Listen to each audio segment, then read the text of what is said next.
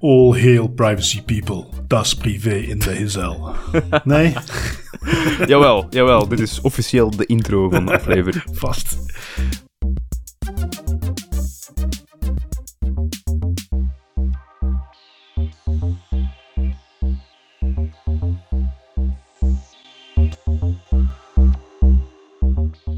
Hallo en welkom bij Das Privé, jouw wekelijkse privacy podcast. Iedere aflevering praten we je bij over het reilen en zeilen in de wereld van privacy. Digitale spionages, boete, datalekken, nieuwe technologie, privacy tools, oftewel alles dat er in een week gebeurt in privacyland.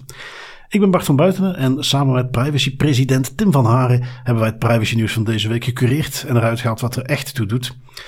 We hebben nog maar eens een stad, Tim, die denkt dat camera's alles oplossen. De stad Tiene, inclusief een uh, buitengewoon verwarrend bericht dat ze erover uh, via de VRT hebben gepubliceerd. Daar gaan we het natuurlijk even over hebben. Mm -hmm. um, als we het toch over camera's hebben, de douane komt erachter dat hun camera's van Chinese makelij dan misschien toch geen goed idee zijn.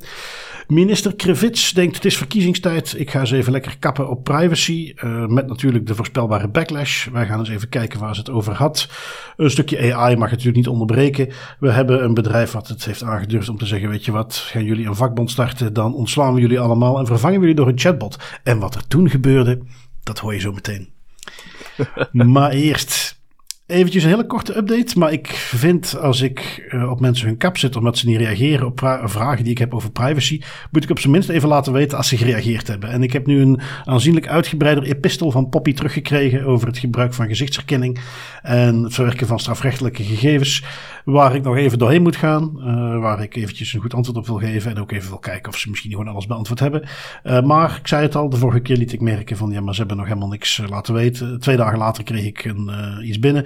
Dus dat wil ik dan ook even gezegd hebben. Ze reageren wel en we zullen kijken wat eruit kwam. Um, wat zag ik nog voorbij komen? Uh, ik vond een leuke. En, en, natuurlijk, je moet mensen niet blijven ophangen aan iets wat heel lang geleden gebeurd is. Maar ik uh, zag een tweet, een tweet voorbij komen van een, een politicus. Volgens mij was het NVA Vlaams Belang, ik wil er vanaf zijn, maar het was in ieder geval iemand die uh, tweette met een fotootje van de nummerplaat van de taxi erbij. Uh, nadat ik in het Nederlands mijn bestemming zei, wilde deze taxichauffeur mij niet meer vervoeren en heeft hij me eruit gezet. Um, ja, mogelijk uh, in de categorie stuff that never happened. Uh, mm -hmm, je weet het niet. Mm -hmm. Maar in ieder geval, daar, daar, waren wat reacties op. En ik kwam daar iets tegen wat ik nog wel grappig vond. En daarom nam ik die even mee. Het linkje zit er ook bij. Artikeltje uit 2011, waar minister ondertussen van Quickenborne zegt van ja, ik snap de privacycommissie niet. De vorige naam van de GBA. want die vond dat hij eigenlijk ook gewoon kentekens online moest kunnen plaatsen. Daar liep hij toen mee tegen de lamp. Nu goed, een mens mag alles van gedachten veranderen in 12 jaar. Dus of die er nu nog zo in zit, is even de vraag. Maar ik vond het grappig. Het is iets waar dus ook onze politici uh, ja, toch echt nog niet mee zijn. Nee, nee. En ik, uh, ik vrees er een klein beetje voor dat politici bashen of er toch alleszins een mening over hebben over hun uitspraken, dat dat een recurring thema gaat worden in deze aflevering. Want we hebben nog wel wat uh, malle fratsen van onze politici die we gaan meenemen. Ja, als, als uitsmijter van hoezeer die nog niet mee was, als de nummerplaat privacy gevoelig is, waarom hangt ze dan aan de buitenkant van de auto? Ah, excellent argument. Hè, de, de, de alombekende, ja, maar als het publiek beschikbaar is, mag ik er toch mee doen wat ik wil. Ja, ja, uh, ja. ja, nee. Beetje zorgwekkend dat dat dan de mensen zijn die de beslissingen nemen. Hè? Ja, nou ja, goed. Uh, dat er, uh, gewoon laten we zeggen, uh, nog best wat ruimte is voor privacy awareness in de politiek. Ehm, nou, we werken eraan, we werken eraan. Aflevering per aflevering. Um, wat heb ik nog meegenomen? Ja, er zijn twee um, criminelen, ja, we mogen dat nu officieel zeggen. Mm -hmm. uh, twee criminelen die uh, veroordeeld waren aan de hand van de Sky ECC berichten. Even voor de korte herhaling. Dat zijn dus berichten die van een speciale versleutelde telefoon die voor heel veel geld verkocht werd en die door gigantisch veel criminelen werd gebruikt. Er zijn heel veel van dat soort telefoons. Sky ECC was er een van. En uh, heel veel van dat soort organisaties die telefoons verkopen, die worden de laatste jaren dringt de politie daar binnen. En die op de een of andere manier, of het nu is omdat ze de telefoons vervangen met andere exemplaren, of omdat ze in de servers van die beheerders binnendringen, dat dagen later maar, zeker in Sky ECC, hebben ze dus toegang gehad tot letterlijk miljarden berichten. Nou, dat is uh, voorlopig de gift that keeps on giving. Ze zijn daar iedere keer opnieuw worden mensen mee veroordeeld. Omdat die criminelen kennelijk in uh, het idee we zijn nu veilig van alles met elkaar uitwisselden. En twee van die criminelen, die heb ik gezegd via. Dat is onrechtmatig verkregen bewijs. Daar zijn wij het niet over eens. En het Hof van Beroep in Antwerpen heeft daar nu op 14 juni uitspraak over gedaan. Dat is het eerste Sky ECC dossier in die context dat ze in hoger beroep daar behandelen. En het Hof heeft alle opgeworpen procedureargumenten met tot de onderschepte en ontsleutelde Sky ICC berichten op gemotiveerde wijze verworpen. Um, beide verdachten toen nog hoopten dus dat ze konden zeggen, ja maar dat is niet eerlijk en die hadden ze niet op de goede manier verkregen. Maar uiteindelijk zitten ze met hun gevangenisstraffen en geldboetes van een paar honderdduizend euro er toch echt aan vast. En uh, ja, mooie ontwikkeling. Dus even afwachten wanneer de volgende van dat soort cryptotelefoons uh, over de kop gaat en blijkt dat de politie er al een jaar binnen zit. Ja, ik vind het mooi dat die uitspraken er nu al zijn, want uh, die twee verdachten waar het nu over gaat, dat zijn niet de enigen die die argumenten in hun rechtszaken oh, nee. aanhalen. Dat, dat was al van in het begin dat er eigenlijk een leger van advocaten ook met die uitspraken kwam van ja, maar procedurefouten en is het wel allemaal rechtmatig gekregen bewijs, dat er toch wel over werd gediscussieerd en een nuttige discussie, absoluut. Maar heel blij om te zien dat er nu ook duidelijkheid over is, niet alleen voor deze twee, maar ook ja, als precedent voor alle anderen. Ja. Even zien, je had nog een updateje mee, Tim. We hadden het de vorige keer gehad over de software van het bedrijfje MoveIt. Dat is een software die gebruikt wordt om ja, bestanden, informatie uit te wisselen. Um, iets wat, ja, dat is zoiets, je hebt er nog niet van gehoord, maar het is een toeltje wat kennelijk op heel veel plekken gebruikt werd. Um, daar ja, zat dus een bepaalde kwetsbaarheid in. Daar was nu een datalek, dat kwam recent naar buiten, maar jij had daar wat achtergrondinformatie over gevonden. Ja, klopt. Uh, dat wou ik nog even meegeven. Dat is interessant. Een kijkje achter de schermen van die ransomware groepen en hoe dat die eigenlijk um, opereren en waar ze gebruik van maken. Uh, ze hebben gebruik gemaakt van een zogenaamde zero day. Dat is eigenlijk een kwetsbaarheid in een applicatie of in software die tot op het punt dat ze gebruikt wordt en bekend wordt eigenlijk nog niet bekend is. En er is een adviesbureau, Kroll, die onderzoek heeft gedaan bij getroffen klanten en ontdekt heeft dat diezelfde Zero Day, dat die eigenlijk al in april 2022 en juli 2021 ook bij aanvallen werd gebruikt door dezelfde ransomware groepering. Wat uh, erop wijst dat eigenlijk de ransomware groep, met een naam, Klop ransomware groep was het, Um, dat zij al veel langer in het bezit waren van die Zero Day, dat dat niet iets is wat ze plotseling nu hebben ontdekt en dat ze eigenlijk een aantal trial runs hebben gedaan voordat ze uiteindelijk op Move zijn afgegaan. Oké, mm, oké. Okay, okay. Om maar te zeggen dat dat soort dingen, hè, dat, dat, we nu waarschijnlijk software gebruiken waar al jarenlang door sommige groepen kwetsbaarheden in gevonden zijn. Ja, ja. En dat wij daar mogelijk pas over een tijdje achter gaan komen. Um, als er dan dat soort kwetsbaarheden in zitten, kan het best wel eens zijn dat die in de toekomst voornamelijk door AI komen. Ik uh, zag nog iets voorbij komen waar wij voor de rest niet heel veel over moeten praten, kunnen praten, maar ik vond het wel grappig. Um, ja, we weten allemaal, als we software gebruiken, daar zit code in. Daar zijn mensen, programmeurs, developers, die daar heel veel tijd in gestopt hebben. Die, uh, ja, dat is ook een, een, heel specialistisch vakgebied. Ik uh, heb wel eens websites gemaakt en zo, maar ik ben absoluut geen programmeur. Um, nu een van de uitdagingen waar een programmeur altijd tegenaan loopt, is van oké, okay, ik kan code schrijven voor mijn applicaties die heel goed werkt, die er heel goed uitziet, die een mooie applicatie laat maken, maar daarom is het nog niet veilig. Dus continue uitdaging, overal waar je software tegenkomt, natuurlijk zeker in onze context als, als privacy, mensen die bij organisaties rondlopen die allerlei software gebruiken. Ja, daar kunnen makkelijke kwetsbaarheden in zitten. En mm -hmm. er is een ontwikkeling die uh, je steeds meer voorbij ziet komen, die heet low code. Dat betekent dat je steeds meer ziet dat het maken van software makkelijker wordt gemaakt. Dat je niet per se meer een programmeur hoeft te zijn, maar dat je met blokjes kunt slepen en vanuit een soort framework kunt beginnen en dan ballonnetjes daarheen slepen en een tekstveldje daarheen. Dat je zo eigenlijk ook al appjes kunt maken, maar dan veel meer uh, uh, drag and drop. Um, nu, daar heeft als probleem dat je dus eigenlijk de code zelf niet meer ziet en gewoon een beetje aan het sleuren bent met uh, figuurtjes om een app te maken. En dan moet je dus maar hopen dat de code die op de achtergrond natuurlijk nog wel steeds gegenereerd wordt, want dat is wat dat systeem er bovenop dan doet. Je hoeft zelf geen code meer te schrijven, dat wordt voor je gedaan. Maar die code moet wel veilig zijn. Nou, dat is iets wat al een tijdje gekend is, dat soort low-code systemen, dus die tools die het mogelijk maken om met drag-and-drop software te gaan maken, uh, dat de security van die code zeer twijfelachtig is. Nu was de volgende evolutie al te bedenken. We hebben al met ChatGPT AI gezien dat uh, die heel veel gebruikt wordt ook om code te schrijven. En dat we nu bijvoorbeeld Microsoft, hun toeltje heet Copilot, pakte heel breed uit met hun uh, developer assistent. Hè. Dus het idee is, ik ben als ontwikkelaar code aan het schrijven en ik klik op een knop van Microsoft en die geven dan een voorstel voor code die ik kan gebruiken. Hoef ik het zelf niet te schrijven, fantastisch. Uh, een paper gepubliceerd, een weekje geleden. En waar simpel samengevat komt daaruit. Op het moment dat mensen schrijven met gebruik van zo'n AI-assistent, gaan ze significant meer security fouten maken in hun code. Uh, iets wat wellicht helemaal niemand verbaast. Nee, nee, inderdaad. Dat is uh, een van de nadelen van het feit dat die artificial intelligence nu overal begint in te sluipen, is dat we er soms blindelings op beginnen te vertrouwen dat zij code genereren die werkt. En als dan keer op keer blijkt dat dat eigenlijk toch niet zo is, ja, dat uh, zou niemand mogen verbazen, maar we vergeten, we durven het wel eens te vergeten, om, omdat ze toch wel knappe capaciteit hebben op heel veel vlakken, dat moet, moet ik ook wel durven toegeven. Um, maar het is nog altijd nuttig om er met een beetje gezonde argwaan naar te kijken naar de output van dergelijke systemen. Nou ja, het, het, is zo makkelijk. Hè? En als we dan eventjes een DAS privé, DAS beter aankoppelen, het maakt niet uit hoe die software uiteindelijk tot stand kwam. Of het nu met een of ander low-code systeem is of AI of wat dan ook. Maar als je daar allerlei gegevens van mensen in gaat verwerken, laat dat altijd eventjes testen. Laat daar een hacker op loslaten, een ethische hacker. Het zogenaamde penetration testen. Doe dat altijd als jij uh, nieuw gemaakte software zeker in gebruik gaat nemen. Um, iets dichter bij huis. En we gaan door op camera's. Um, ja, ik weet trouwens niet of ik het, moet ik het stad of gemeente noemen. In ieder geval in Tiene heeft men nu 14 bewakingscamera's op de grote markt geïnstalleerd. Ja, je zou bijna zeggen dat gebeurt zo vaak, moeten we dan nog uh, tijd aan wijden, want uh, iedere gemeente doet dat. Maar deze vond ik extra leuk, omdat ze dus ook een paar, um, ja, in het VRT-artikel waar het werd aangekondigd, zaten een paar quotes in die ik dan wel weer grappig vond. Um, want uiteraard wordt er gezegd, ja, de camera's kunnen heel gedetailleerd inzoomen, de politie kan alles ook live volgen.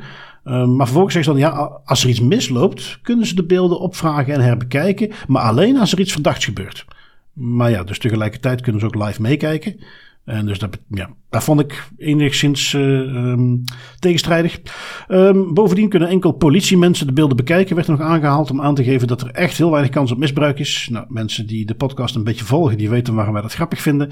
Um, en tenslotte was er nog eventjes een uitspraak van een relevante uh, politie uh, ambtenaar die nog zei van ja, ik me niet druk om maken. Los daarvan, het is best veilig op de grote markt van Tiene. Er gebeuren weinig incidenten, gelukkig maar.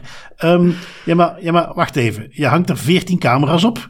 Dat is allemaal om misdaad te voorkomen. En, en wordt wel niet live achteraf uh, opgevraagd. En alleen maar bekeken door politieagenten. Maar er gebeuren weinig incidenten. Ja, maar wat is dit dan? Is dit dan gewoon ondertussen een soort camera-fetish? Is er ergens stiekem, zodat wij dat niet weten, een camera-bingo bij gemeentes waar ze tellen wie heeft er de meeste? Ja, ik, ik ben er oprecht van overtuigd dat er in de politiek en in de mensen die de beslissingen maken, dat dat een soort uh, dick swinging contest is geworden van ik heb het meeste camera's in mijn stad of gemeente. Nee, ik heb het meeste camera's. Want zeker bij dit, um, Allee, er zijn een aantal argumenten die je kunt aanhalen, maar een, van de primaire argumenten die ik zou aanhalen tegen het installeren van dergelijke camera's is het proportionaliteitsbeginsel vanuit de GDPR-wetgeving. Mm. Je moet, als je een verwerking wilt opzetten, kijk dan ook naar de proportionaliteit. Is dit, is dit noodzakelijk? Zijn er geen andere manieren die minder intrusief zijn? En er moet een, er moet een basis, er moet een, een beginsel zijn waaraan je aan vasthangt. Er moet een doellijn zijn. en als je dan tegelijkertijd zegt, we gaan 14 camera's plaatsen op die grote markt, en in datzelfde artikel beweert dat er geen of weinig incidenten plaatsvinden, dat is niet proportioneel. Nee, nee, wel, dat is het hem een beetje. Um, en voor de mensen die het een tik hoorden, ik heb net voor mijn ogen een vogeltje tegen mijn raam aanzien botsen en oh. als een blaadje naar beneden zien vallen. Dus ja, oh ik hoop dat die zich nog herstelt. Um, om eh, dat er nog even mee te geven. Je ziet in dat artikel, komt duidelijk naar buiten. Hier is niet nagedacht, goh, hebben we die camera's echt wel nodig? Waarom moeten we dat doen? Want dus in hetzelfde artikel, met dat ik het nu nog eens zit te bekijken, viel me nog iets op wat me in de eerste lezing nog niet was opgevallen. Is dat de commissaris van de politie, een zekere Wim Gijskes, nog meegeeft. Ja, in de eerste plaats zijn de camera's preventief. Ja, daar, daar weten wij al van. Pak maar onze vorige afleveringen. Dat werkt niet. Mensen die erop uit zijn om, laten we zeggen, ongein uit te halen. De bekende amokmakers. Ja, die gaan dat toch wel doen, of aan nu camera's hangen of niet. Um, het is ook nuttig om bij evenementen aan crowd control te doen, zegt hij er even bij. Nou ja, dat gaat dan meteen weer in tegen wat de burgemeester zelf zei. Van ja, maar we gaan het alleen maar gebruiken als er iets verdachts gebeurt of als er misdrijf wordt gepleegd. Dus nog net als die camera's er hangen, is de function creep is er al. We gaan ze weer gebruiken voor iets anders. Het, ja, je, wordt er af en toe een beetje moedeloos van, hè, maar uh, kan men nou niet eens gewoon, voordat er zo'n camera wordt opgehangen, eventjes aan de hand van een template die van mijn part vanuit de overheid wordt verstrekt, objectief uitdenken. We hebben ze nodig. Dit is waar we ermee gaan bereiken. Dit is hoe we dat onderbouwen. En dit is, belangrijk, hoe we gaan evalueren of het werkt. En als het niet zo is, halen we ze weer weg. Dat is het enige wat ik zou willen. Ja, ik, ik moet toegeven, ik ben het artikel nu ook even heel snel diagonaal aan het doorlezen. En het, het leest echt als een karikatuur van alle argumenten die wij aanhalen tegen het gewoon wijdverspreid installeren van camera's zonder een duidelijk doel of zonder proportionaliteit. En dat is, ook, dat is ook nog een heel belangrijk punt dat je aanhaalt, is het evalueren van de effectiviteit van die camera's. Er wordt altijd gepraat over het plaatsen van camera's, over hoe fantastisch ze zijn, hoe preventief ze werken, hoe afschrikwekkend ze werken. Um, en dan is dat altijd muisstil over hoe effectief dat, dat is, hoeveel beeldmateriaal er van verwerkt wordt, wat dat daar de cijfers van zijn, als ze al verzameld zouden worden. Dus dat is echt een, er wordt maar camera's bijgeplaatst en er wordt nooit echt geëvalueerd wat dat eigenlijk wel de moeite is om al die tijd en energie en vooral geld daarin te steken. Ja, inderdaad. En dus ja, goed, voordat we onszelf nog meer herhalen, gaan we gewoon even door naar het volgende verhaaltje over camera's, namelijk camera's bij de douane. Um, daar was al van bekend dat bij de douane uh, camera's die dus al het, uh, ja, alles wat er aan vervoer voorbij komt, uh, denk aan op de Antwerpse haven, dus bij de douane. ja, dat zijn Chinese camera's, uiteraard. Dus dat zijn de röntgencamera's, die brengen in kaart wat er allemaal in pakketjes zit, verwerken er alle informatie rond. Um, of er, zal ik er meteen trouwens even bij zeggen, de pure privacyhoek. Hangt natuurlijk even af van wat er in die pakketjes zit. Maar in de bredere context van uh, weer gegevens die uh, onze landsgrenzen weggaan en die mogelijk doorgaan naar China, vond ik hem toch relevant.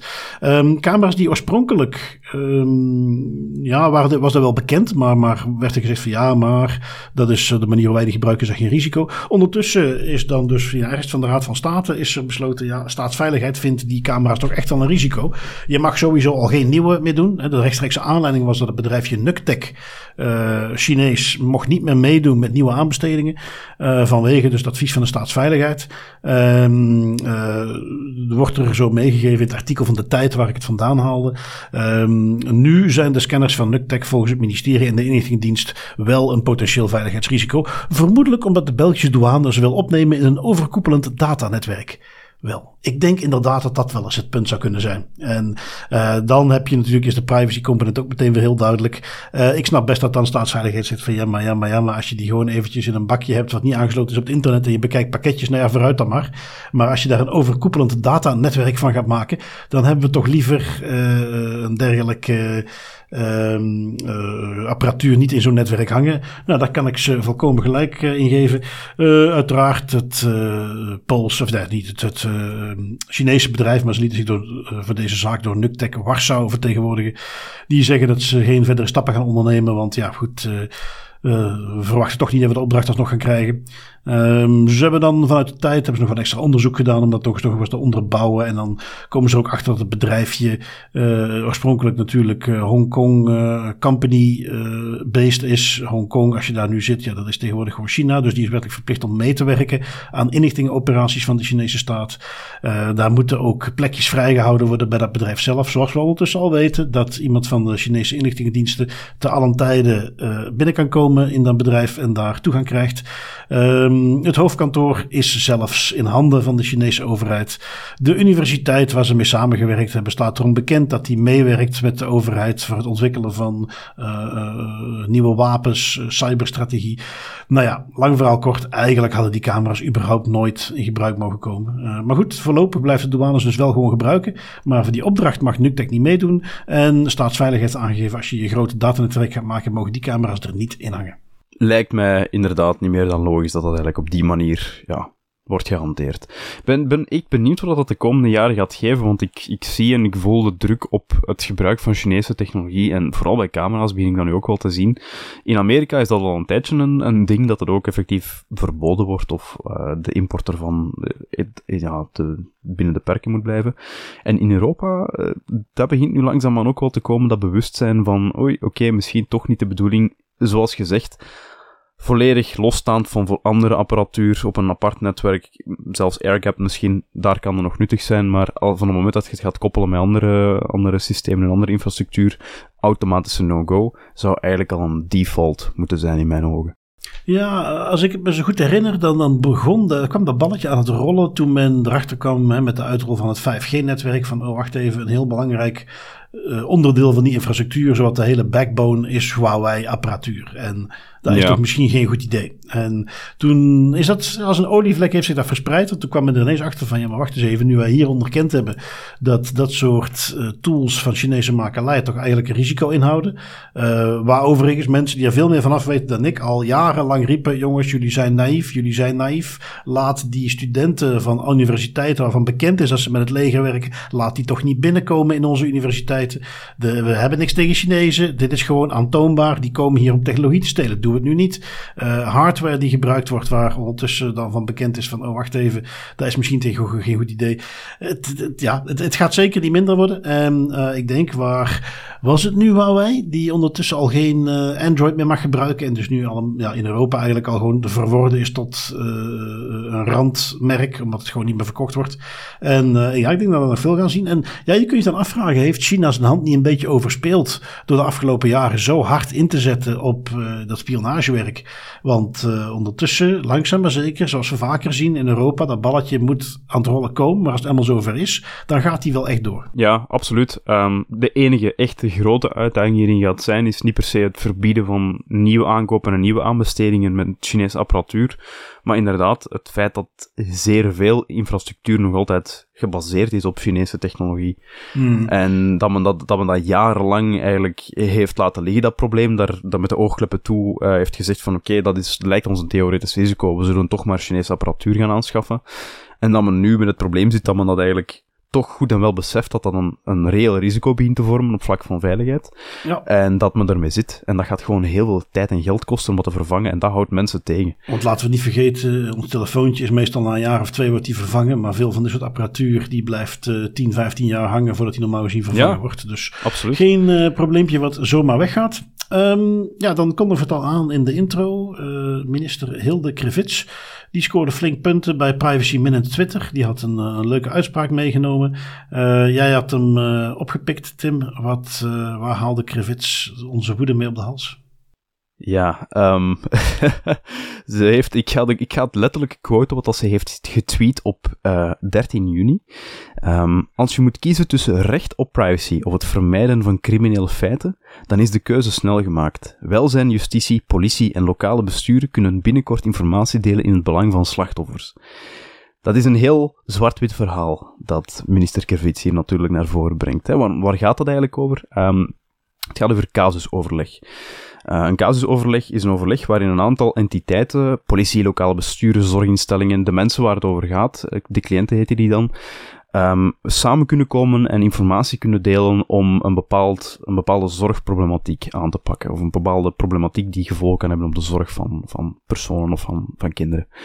Um, en een van de elementen daar, eh, een van de, van de obstakels waar men tegenaan loopt, is dat uh, er is een beroepsgeheim vastgelegd in artikel 558 ter van het strafwetboek, waardoor organisaties bij een casusoverleg informatie mogen uitwisselen, maar geen persoonsgegevens mogen delen van de cliënten zelf.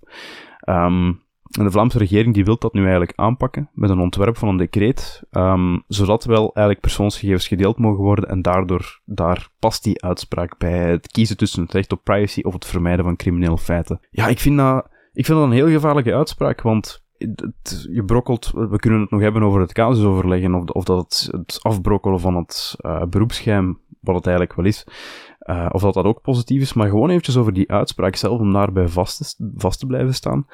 Uh, kiezen tussen het recht op privacy of het vermijden van criminele feiten, dat is een heel gevaarlijke uitspraak om te maken, vind ik. Zeker van een minister, zeker van beslissingsnemers en policymakers. Um, dat is een, een ongenuanceerd verhaal dat gebracht wordt, waar het blijkt dat als je dus kiest voor een privacy-gepreserveerde aanpak, dat je dan automatisch ook kiest dat bepaalde criminele feiten tot stand blijven komen. En dat, dat, is gewoon, ja, dat mist nuance. Ja, het is gewoon oliedom. Uh, want wat nog het ergste is, ik heb dan het decreet waar het over gaat, hè, waar ze dan mee uitpakken, heb ik er eens bijgepakt. En daar zit heel netjes een advies van de Vlaamse Toezichtcommissie bij. Hè? Met andere woorden, de, de Vlaamse Gegevensbeschermingsautoriteit. Um, en, en die heeft daar eigenlijk best goede dingen over te zeggen. Die vindt dat het ook op een aantal vlakken prima in elkaar zit. Die geeft nog wat tips. En die geeft eigenlijk mee. En, en, en toen ik die details erbij las, kwam ik zelf ook de conclusie van: nou ja, ik, ik heb ook uh, ja, redelijk veel in de zorgsector uh, gewerkt rond privacy.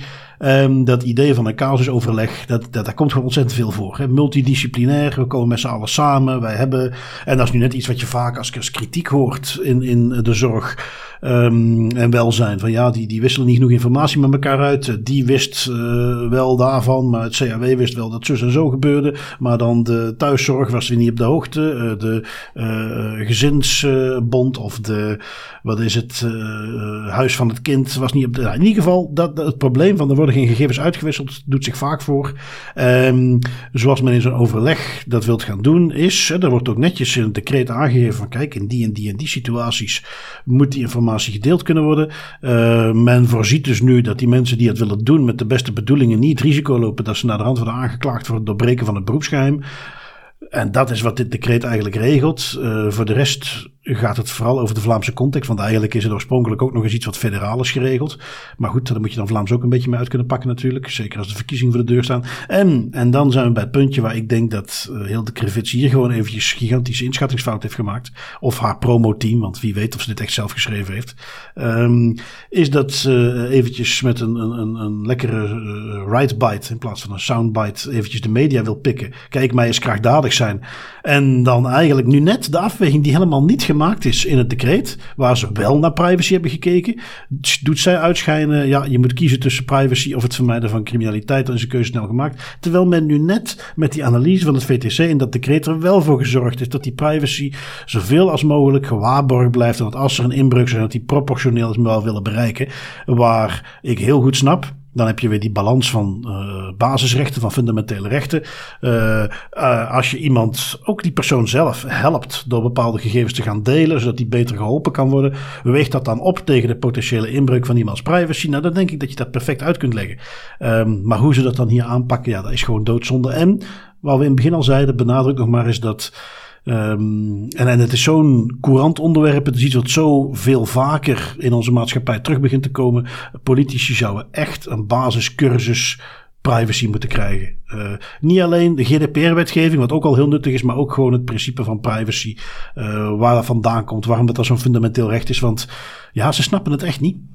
Nee, nee, dat, dat is exact wat ik hier ook uithaal. Ze, ze begrijpen het niet, want Um, ze, ze hebben de, de opportuniteit, de perfecte opportuniteit gehad om te zeggen van hey, uh, we kunnen hier zeker met een, met een aanpak die respect heeft voor de privacy bepaalde zaken gaan oplossen die in het verleden toch voor uitdagingen zorgden in die sector.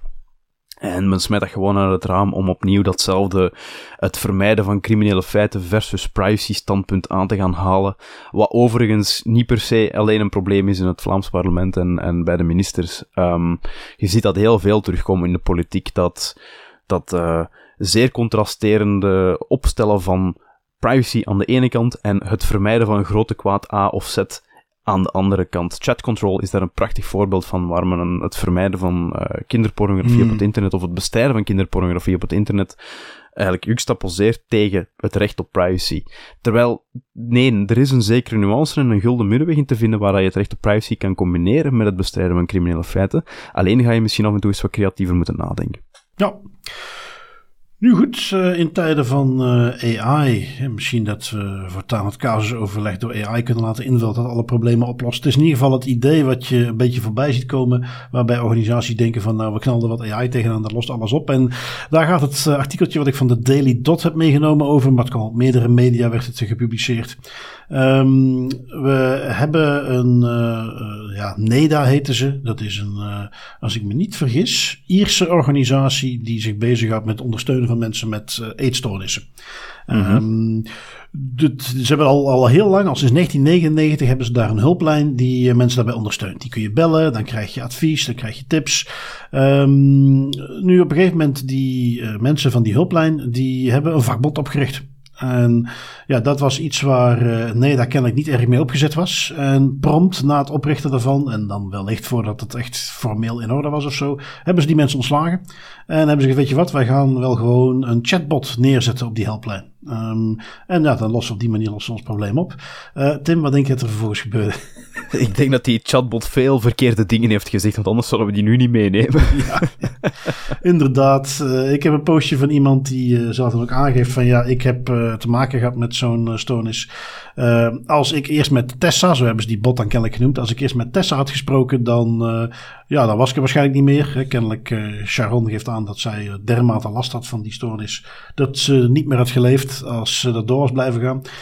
en die had dus eventjes getest, hè, want ik moet er meteen even goed bij zeggen. Ze gingen dus die chatbot gebruiken om al die mensen te vervangen. Maar ze hebben wel eventjes een grootschalige test gedaan voordat ze hem officieel live gingen zetten. Dus het was een paar dagen voor de grote aankondiging van oké, we gaan het doen.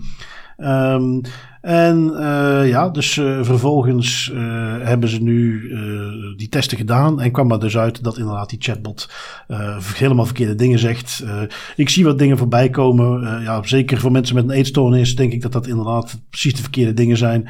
Um, waarbij er wordt aangegeven van, oh, maar het is geen probleem. Je kunt best nog wel afvallen als je maar gewoon op die en die manier op je eten let. opnieuw gericht aan mensen die dus met bijvoorbeeld zoiets anorexia zitten. Serieus eetprobleem.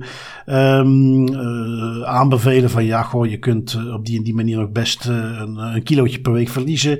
Um, je moet maar gewoon zorgen dat je 500 tot 1000 calorieën minder eet dan je eigenlijk nodig hebt. En dan kun je ook weer afvallen. Dus nou ja, overduidelijk. Ik ben zeker geen expert, maar overduidelijk adviezen die mensen met een eetstoornis vooral niet moeten krijgen. En ja, ondertussen is besloten dat die chatbot toch nooit echt het productieleven gaat zien. ze hebben al voorafgaand op het echt online zetten, wat dus binnen een paar moest gebeuren, hebben ze na die test gewoon gezegd: oké, dat gaan we dan toch maar niet doen. En goed, maar goed ook dat men dat eigenlijk toch dat, besef heeft en durft toegeven dat dat geen fantastisch slim idee was. Want wat een idee ook, hè. Een, een, een, een chatfunctie in een omgeving die gebouwd is voor mensen die met een bepaalde stoornis leven. Maakt niet uit of dat een eetstoornis is of een, of een andere soort stoornis, of gewoon iets waar je mee zit in je leven, maar daar een artificial intelligence op loslaten die dan maar, ja, een of ander kill advies moet geven over hoe dat je leven oplost. Ja, nee, dat, uh, dat is nu echt niet de manier om, om dat soort problematiek aan te pakken en gaat volledig voorbij aan het doel van wat een chat-oplossing in zo'n omgeving eigenlijk zou moeten bereiken. Precies. Mensen precies. helpen en verstaan. Dus uh, dat is privé, dat is beter. Laten we de ChatGPT-hype nog even parkeren voor dingen die er niet toe doen. En dan kunnen we er allemaal mee experimenteren. En laten we het uh, zeker niet gaan helpen om uh, menselijke interactie en het verwerken van gegevens te laten oplossen. Nee, um, nee, want dat moet wel gezegd worden. ChatGPT en andere van die large language models, ze zijn goed. Ze werken voor een heleboel dingen. Maar gaan ze niet gewoon in de vrije uitloop in een of andere omgeving waar geen controle over is, loslaten op mensen, zeker geen mensen met een bepaalde problematiek. Nee, nee, nee dat gaat vijf, als dat honderd keer uh, zo'n interactie zou gebeuren, dat gaat misschien 70 keer goed lopen, maar dat gaat 30 keer raar of zelfs fout lopen en dat, dat is een risico dat je niet kan nemen. Nee, nee duidelijk iets wat we lekker menselijk moeten houden. Um, even zien, een beetje vasthoudend aan uh, voor de rest ons camera-thema deze week. Had jij nog iets meegenomen van een heel pittoresk Iers dorpje? Ja, een zeer pittoresk Iers dorpje met de glooiende heuvels en dan op elke heuvel een gigantische camerapaal. Zo beeld ik het mij wel in als ik het artikel lees, want het gaat over het dorpje Mount Mellick. Ik bedoel, dat klinkt al zo Iers ook, hè. Um, die hebben, een, die hebben een, een populatie van net 4069 mensen was de laatste telling. En die hebben in totaal meer CCTV, dus security camera's, dan uh, eender welk ander dorp of stad in Ierland. Um, er zijn ongeveer 30 tot 40 community CCTV-camera's. Dat zijn eigenlijk camera's die specifiek gebruikt worden door de, de Garda, de, de lokale politie. Um, ongeveer omgerekend eentje voor elke 90 mensen die in dat dorpje leven. En om dat in perspectief te plaatsen, de noord, noordoostelijke kant van Dublin, de inner city area, die heeft er 44. Dus uh, ze hebben er toch wel redelijk veel voor wat uiteindelijk maar een dorpje is van ongeveer 4000 mensen. Um, waarom heb ik hem meegenomen? Het is eigenlijk grappig dat het komt een beetje neer op de, het plaatsen van die 14 kamers op dat plein. Um, zelfde redenering, het proportionaliteitsprincipe, noodzakelijkheidsprincipe is hier gewoon volledig ontgaan bij die mensen. Um, ze zijn er zeer trots op dat ze die kamers hebben geplaatst, maar tegelijkertijd zeggen ze, en dat zijn quotes uit het artikel, crime isn't too bad, You have incidents. I wouldn't want the impression that Mount Mellick is crime ridden. The cameras pick up on the main roads. If you're breaking the law, I don't think it's an issue. It just makes older people feel safer. En dat allemaal voor een kostenplaatje van ongeveer 1 miljoen euro per jaar. dat is buitenproportioneel opnieuw. Dat is weer zo'n typisch geval van, ja, ik, ik, weet het niet, is het politieke stemmetjes winnen, komt dat gewoon heel goed over en sterk over. Ik weet niet zo goed wat dat is, maar dus ook in Ierland uh, zijn er van die dorpjes zoals Melk die met een probleem kampen. Ja, prachtig, prachtig. En dan zie je ze zo in het artikeltje meegeven. Ja, we hadden eigenlijk een aanvraag gedaan voor 48 camera's en we kregen daar ook de subsidies voor. Maar ja, dat bleek dan toch iets te veel te zijn dan wij nodig hadden. Wat nog maar eens aangeeft dat er dus duidelijk geen uh, uitgebreide studie aan vooraf is gegaan van wat hebben we nodig en hoe gaan we dat invullen. Uh, nou ja, goed. Uh, in ieder geval zeker geen uniek Belgisch probleem, maar dat wisten we al wel. Um, wat heb ik nog meegenomen? Een artikeltje van The Markup. TheMarkup.org. Um, ja, een beetje een, een journalistencollectief. Onderzoeksjournalistiek. Gefocust op wat meer maatschappelijke problemen. Privacy komt daar vaak voorbij. Um, niks wereldschokkends waar ze het artikeltje aan wijden. Maar ze hadden iets gevonden. Ze hadden een bestandje gevonden. Een bestandje, nou, een flink bestand. Um, waar wij het ook hier al vaak genoeg over gehad hebben. Op het moment dat je op een website komt, worden er allerlei gegevens van jou verzameld. En uh, afhankelijk van op hoeveel plekken jij bekend bent, maar het feit dat je gewoon een website bezoekt en misschien ingelogd bent bij Facebook of misschien cookies hebt van andere bezoekjes. In ieder geval op dat moment is er al meteen een, een massa data die over jou gedeeld wordt.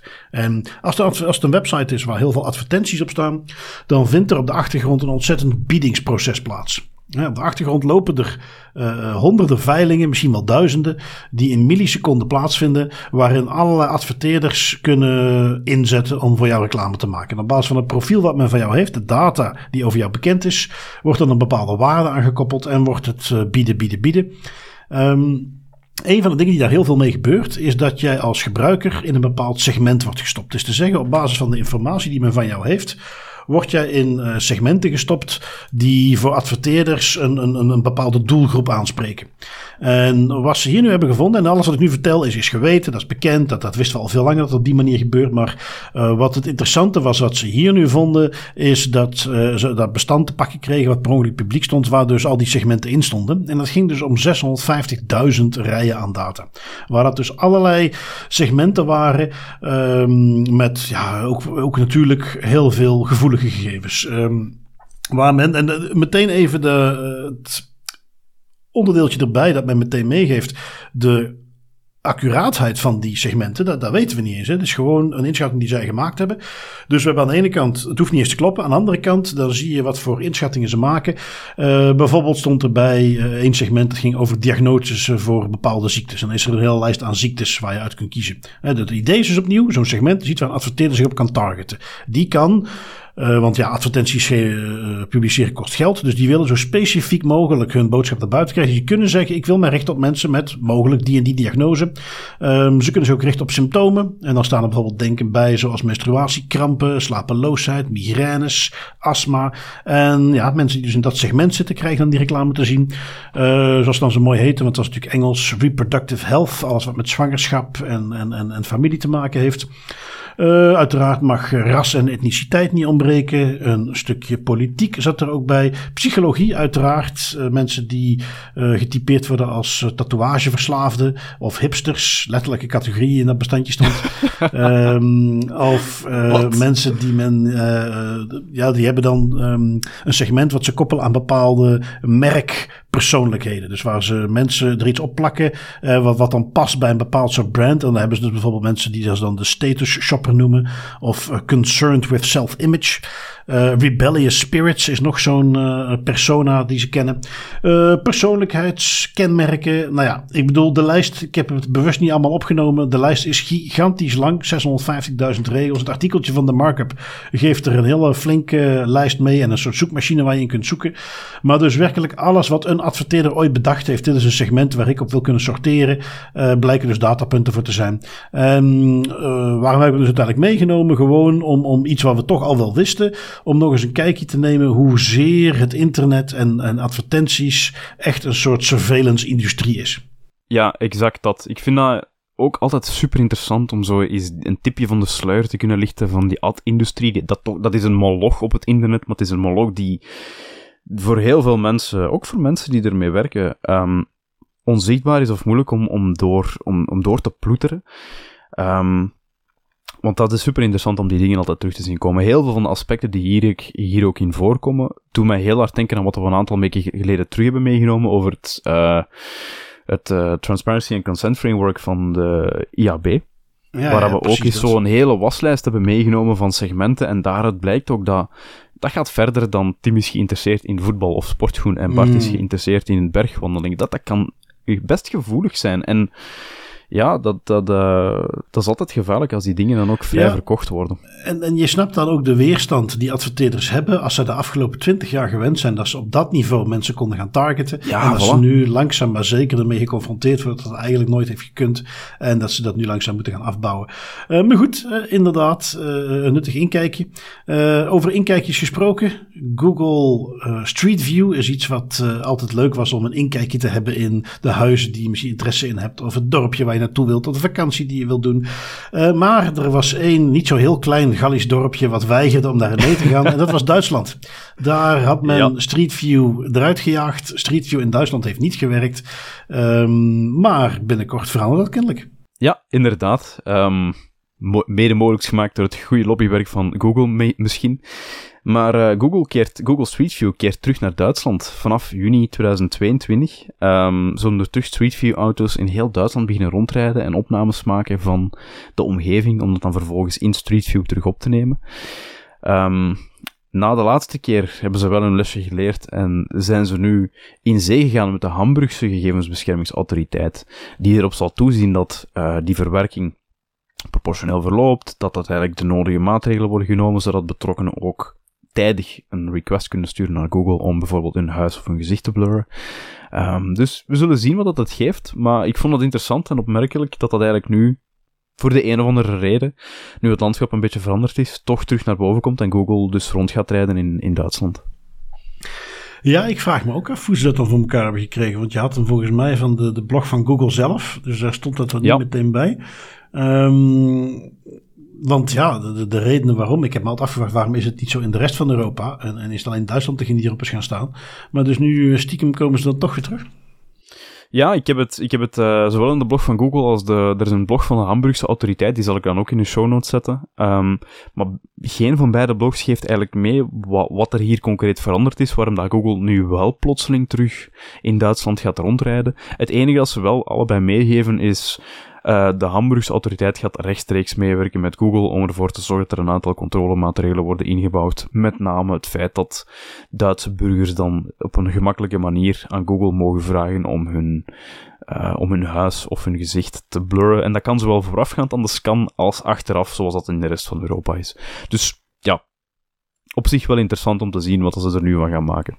Ja, nou ja, uh, in ieder geval hebben ze, uh, een van de dingen die al wel bekend is, is dat ze dus een bepaalde beperking hebben opgelegd gekregen om uh, beelden uit het verleden niet meer te mogen gebruiken. Dus ja. waar je kennelijk in andere landen in de tijd terug kunt gaan, mag het dan in Duitsland niet.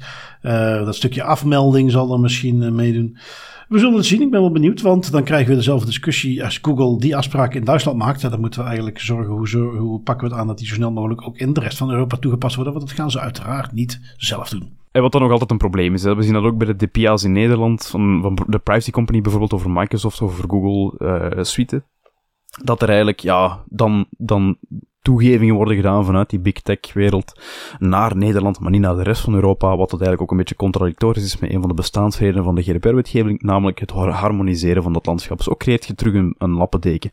Oké, gaan we door met een, uh, een snuifje AI onderzoek gedaan naar, ja, zoals we weten, die uh, AI, maar dan vooral de ChatGPT-context zit nog steeds. Uh, dus de, de datasets die gebruikt worden om die large language models, om die te trainen. En de Groene Amsterdammer, ja, een beetje een, ja, de naam insinueert al, komt uit Amsterdam, een krant. Um, ook vaak met wat, wat, wat meer onderzoekswerk. En die zijn eens gaan kijken naar, ja, kunnen we achterhalen wat voor soort datasets daarvoor gebruikt worden. Um, het zal je niet verbazen dat dat datasets zijn waar men misschien in de Engelse versies nog allerlei controle erop toepast en de rekening met de kwaliteit van zo'n dataset gaat beoordelen. Dat het in Nederland of in de Nederlandstalige datasets aanzienlijk minder is, want dit zijn dus ook datasets die bij ons gebruikt gaan worden in dat soort toepassingen. Uh, ze hebben een van de grote datasets, de zogenaamde MC4 dataset. Veel van die datasets zijn redelijk publiek toegankelijk. En zijn dus gaan kijken, ja, wat zijn de bronnen daarvan?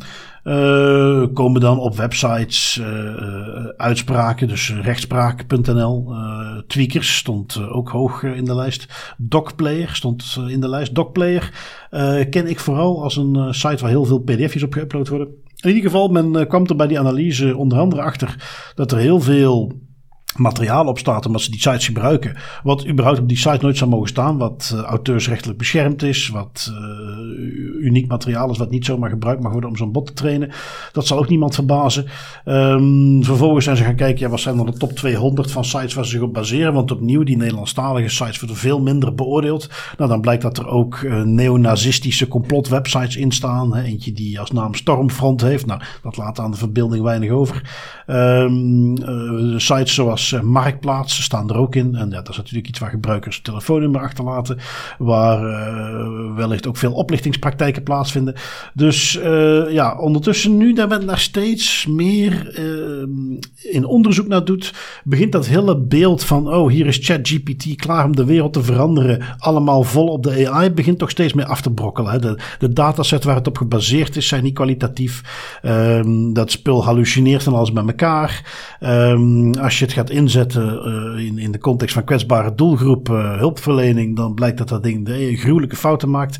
Um, ik denk dat we ondertussen de, de mythe van ChatGPT gaat ons redden al deftig kunnen parkeren. En dat we er ook rustig vanuit mogen gaan dat, zoals dan zo mooi heet, de algemene intelligentie, de algemene artificiële intelligentie, dat het niet ondenkbaar is dat jij en ik dat nooit meer gaan meemaken. Nee, nee, we zullen zien natuurlijk. Hè. Technologie kan exponentieel groeien. De, de ene stap hoeft niet per se te zorgen dat de andere stap dan veel langer uh, weg is in de toekomst. Maar inderdaad, het hele idee dat uh, ChatGPT morgen of zelfs de komende paar jaren een heleboel functies en jobs gaat overnemen, daar zijn we denk ik nog lang niet.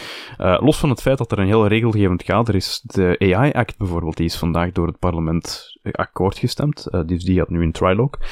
Um, dus er zit nog heel veel aan te komen dat dat ook vanuit een regelgevend kader, ik ga niet zeggen tegenhouden, maar wel in goede banen gaat proberen leiden. Uh, en de technologie zelf, ja, die kan vandaag gebruikt worden voor een aantal dingen, daar ben ik vast van overtuigd, maar laat dat niet gewoon los en verwacht niet dat je als mens nog bepaalde uh, controles of guidelines gaat moeten meegeven. Kan ik me helemaal bij aansluiten.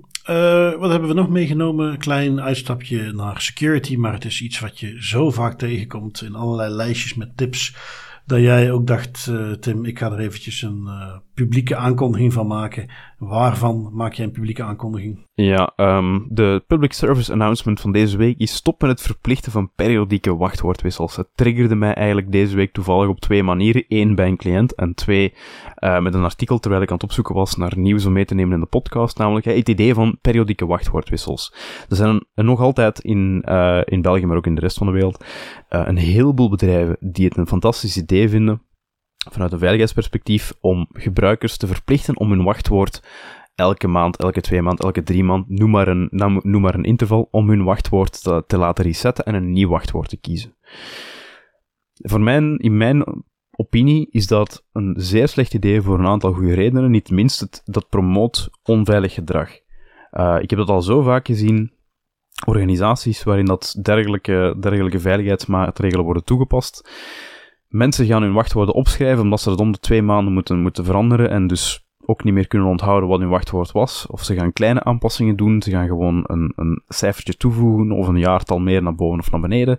Het creëert geen meer veilige omgeving, het zorgt gewoon voor meer irritatie en meer uh, gedrag dat eigenlijk veel onveiliger is dan dat je gewoon andere maatregelen toepast, zoals multifactor authentication, zelfs het, het automatisch afsluiten van accounts die al een geringe tijd uh, af, inactief zijn of afwezig zijn, om, om dat soort vergeten accounts bij wijze van spreken dan tegen te gaan. Er zijn andere manieren die zowel de gebruiker te goede komt als uh, het gewoon het informatieveiligheidsaspect van het bedrijf.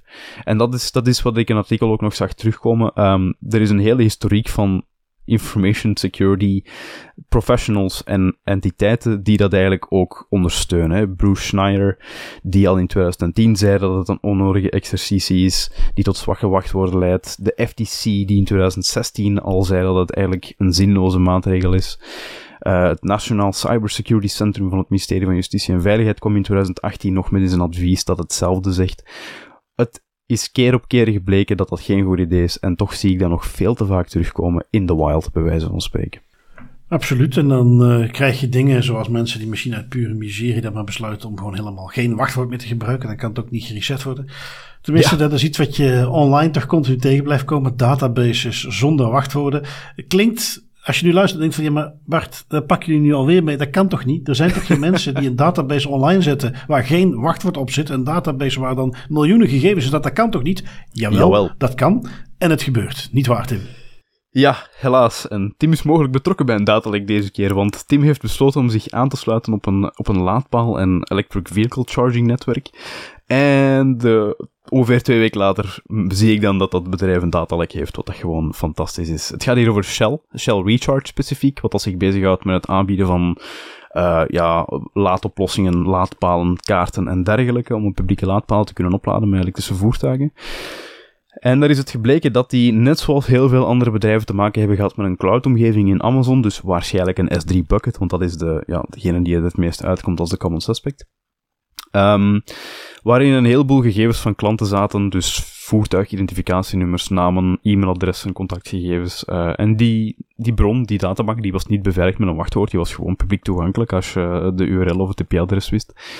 Um, interessant daar is, het, het gaat over een, een databank die oorspronkelijk beheerd werd door Greenlots, wat dat een bedrijfje was dat gelijkaardige activiteiten uitvoerde en in 2019 is opgekocht door Shell. Uh, en dus ja, ergens, dat zien we wel vaker, dat er dan zwakke due diligence wordt toegepast, of dat men eigenlijk niet, niet gaat controleren of dat de data verwerkende omgevingen wel conform bepaalde veiligheidsvereisten zijn. Men koopt dat bedrijf op, men endt die op de Shell-omgevingen en dan vervolgens een paar jaar later moet Shell het gaan uitleggen waarom dat zij een datalek hebben over ja, een databank die ze hebben opgekocht en overgenomen en gebruikt werd, want de laatste entries dateren van 2023, dus het is geen oude databank. Nee, nee, nee, zeker niet. En ja, je ziet ook steeds meer dat in, eh, laten we zeggen, overname, perikelen, uh, dat het niet uh, ongebruikelijk is dat men ook rond GDPR ineens allerlei checks gaat doen om precies dit soort dingen te voorkomen. Um, gaan wij door naar iets waar onze vriend Cartman wel een bepaalde mening over heeft. You will respect my authority. Inderdaad, autoriteiten die hun autoriteit willen uitoefenen. En soms duurt dat eventjes. Um, we hebben een voorbeeldje van Spotify. Hebben nu een boete van 5 miljoen gekregen. Um, dat is jaren nadat er een klacht was ingediend over het feit dat uh, als je een aanvraag indiende over informatie, dat, dat, uh, dat je geen antwoord kreeg. Dat je, dus je wilde weten welke gegevens hebben jullie van mij? Ik wil een kopie van die gegevens. Dus de, de, de basic rechten die je hebt iedere keer als je, jouw gegevens verwerkt worden. Het opvragen van, inza van, van informatie die ze hebben. Um, ja goed, dat is dus informatie die um, uh, vanuit Spotify niet gaf. Uh, ik zag op Twitter voorbij komen, dat ik niet vergis. Het was toen via Noip, maar Reo Zenger, ook redelijk bekend bij Bits of Freedom, dat dat ook een dat dat zijn klacht was. Um, nu goed, uh, ja, zoals we al vaker constateren, de wielen draaien langzaam, maar als ze dan draaien, 5 miljoen is weer iets dat telt. Um, ik denk niet dat je het gaat terugzien in de abonnementsprijs. Ik denk ook niet dat Spotify er echt heel veel armer van wordt. Maar als voorbeeld kan het echt wel tellen, hè? Ja, absoluut. En het is een goed begin als dan vervolgens Spotify nog iets, nog iets, zoiets, nog iets fout doet of uh, de, de regels overtreedt, bij wijze van spreken. De volgende boete zal hoger zijn. Hè. We moeten ergens beginnen. Het is niet de bedoeling dat door boetes te geven bedrijven failliet gaan. Dat, ik weet dat, sommige, dat dat bij sommige bedrijven misschien wel eens leuk zal zijn om te zien, maar dat is nu ook weer niet de bedoeling van een boete. Het moet een straffend karakter zijn en ja, dat is hier wel behaald, denk ik. Nee, ja, ja, ja, op zich wel. En toch vind ik dat ze het grote bedrijven, dat die ondertussen echt wel iets nadrukkelijker uh, beboet mogen worden. Um, als je bijvoorbeeld mm. kijkt, uh, het uh, bedrijfje Tim SPA in Italië, geen affiliatie met onze co-host, die hebben een boete van 7,6 miljoen gekregen. Dus dat is al meer. En uh, ik durf hem best aan om te zeggen dat Tim niet even groot is als Spotify. Uh, ze hadden wel iets anders soort overtreding. Uh, en, en je hebt dat bij een aantal autoriteiten. Ik weet in Engeland, de ICO is daar ook veel mee bezig. En de Italiaanse autoriteit heeft daar ook een beetje een, een, een focuspunt van gemaakt. telemarketing. Dus niet alleen direct marketing, wat al irritant genoeg is. Allerlei dingen die ik in mijn mailbox krijg. Maar specifiek telemarketing, waarin je dus opgebeld wordt We kennen het hier ook wel. Ik uh, heb ondertussen al afgeleerd om onbekende nummers op te pakken. Nummers uit Brussel denk ik vaak ook al twee keer na. Als ik dan eens een keer werk doe voor iemand bij, een overheid zit, ja, dan mis ik dus vaak telefoontjes. Maar het zijn nu dus bij mij klassiek de Brusselse nummers, uh, waar dan weer iemand mij een nieuw abonnement probeert aan te smeren. Of eerst wilt vragen, zoiets, de standaard trucje om een ja te ontlokken. Heeft u een telefoon? nee, nee, nee, ik heb geen telefoon. Oh, oh, oh, die manier. Nee, natuurlijk iedereen zegt ja en dan ah, hop, een ingang en dan beginnen ze met het, het sales pitch. Enfin, dat terzijde gelaten. Je ziet dus dat de Italiaanse Garante daar echt een punt van heeft gemaakt.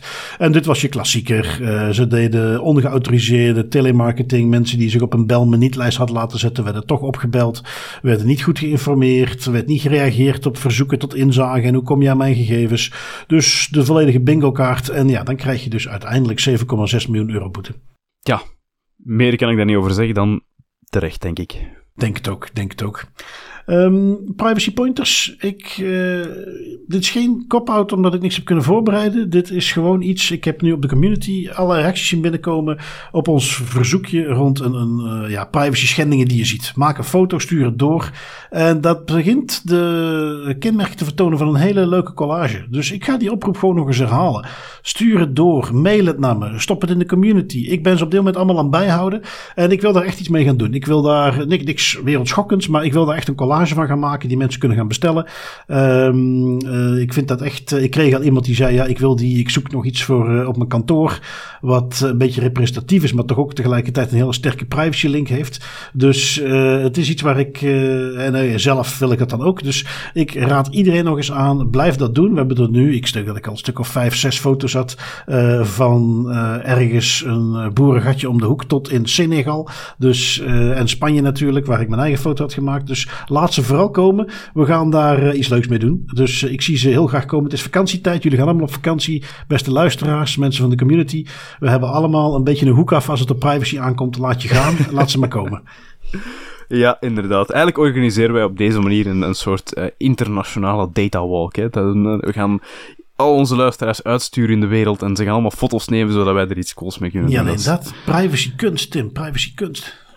Het is een, het is een markt. Er is, uh, er is, het is een niche, maar het is zeker wel iets waar dan nog veel werk aan de winkel is. En waar we wel een, een coole bijdrage in kunnen leveren, denk ik. Um, over coole bijdrages gesproken, de, iets interessants dat ik nog heb meegenomen is... Um, en dan moet ik eigenlijk een shout-out geven naar El Tuxo uit onze community, die dit onder de aandacht bracht in de chat. Uh, het is mydata.belgium.be. En dat is eigenlijk een website waarin dat je aan waarin je kan, uh, nadat je hebt ingelogd via ITSME of via ID-verificatie, uh, kan je eigenlijk gaan kijken welke overheidsdiensten jouw data in de afgelopen, ik denk dat het zes maanden is, hebben geraadpleegd. Dus uh, we kunnen eigenlijk zien hoe interessant je bent voor de overheid.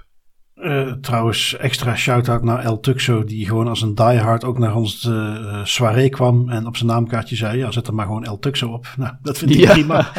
dat was heerlijk, dat was echt goed. Um, ik heb die site trouwens ook meteen even geprobeerd en dan zie ik daar twee lijntjes staan. Uh, ja, de FOD heeft bekeken waar jij, hoe heet het zo mooi, nou in ieder geval waar ik als zaakvoerder sta of zoiets zakelijks. Ik heb de indruk dat die database nog niet helemaal compleet is, want de overheid zit continu gegevens te raadplegen. Het zal wel een work in progress zijn.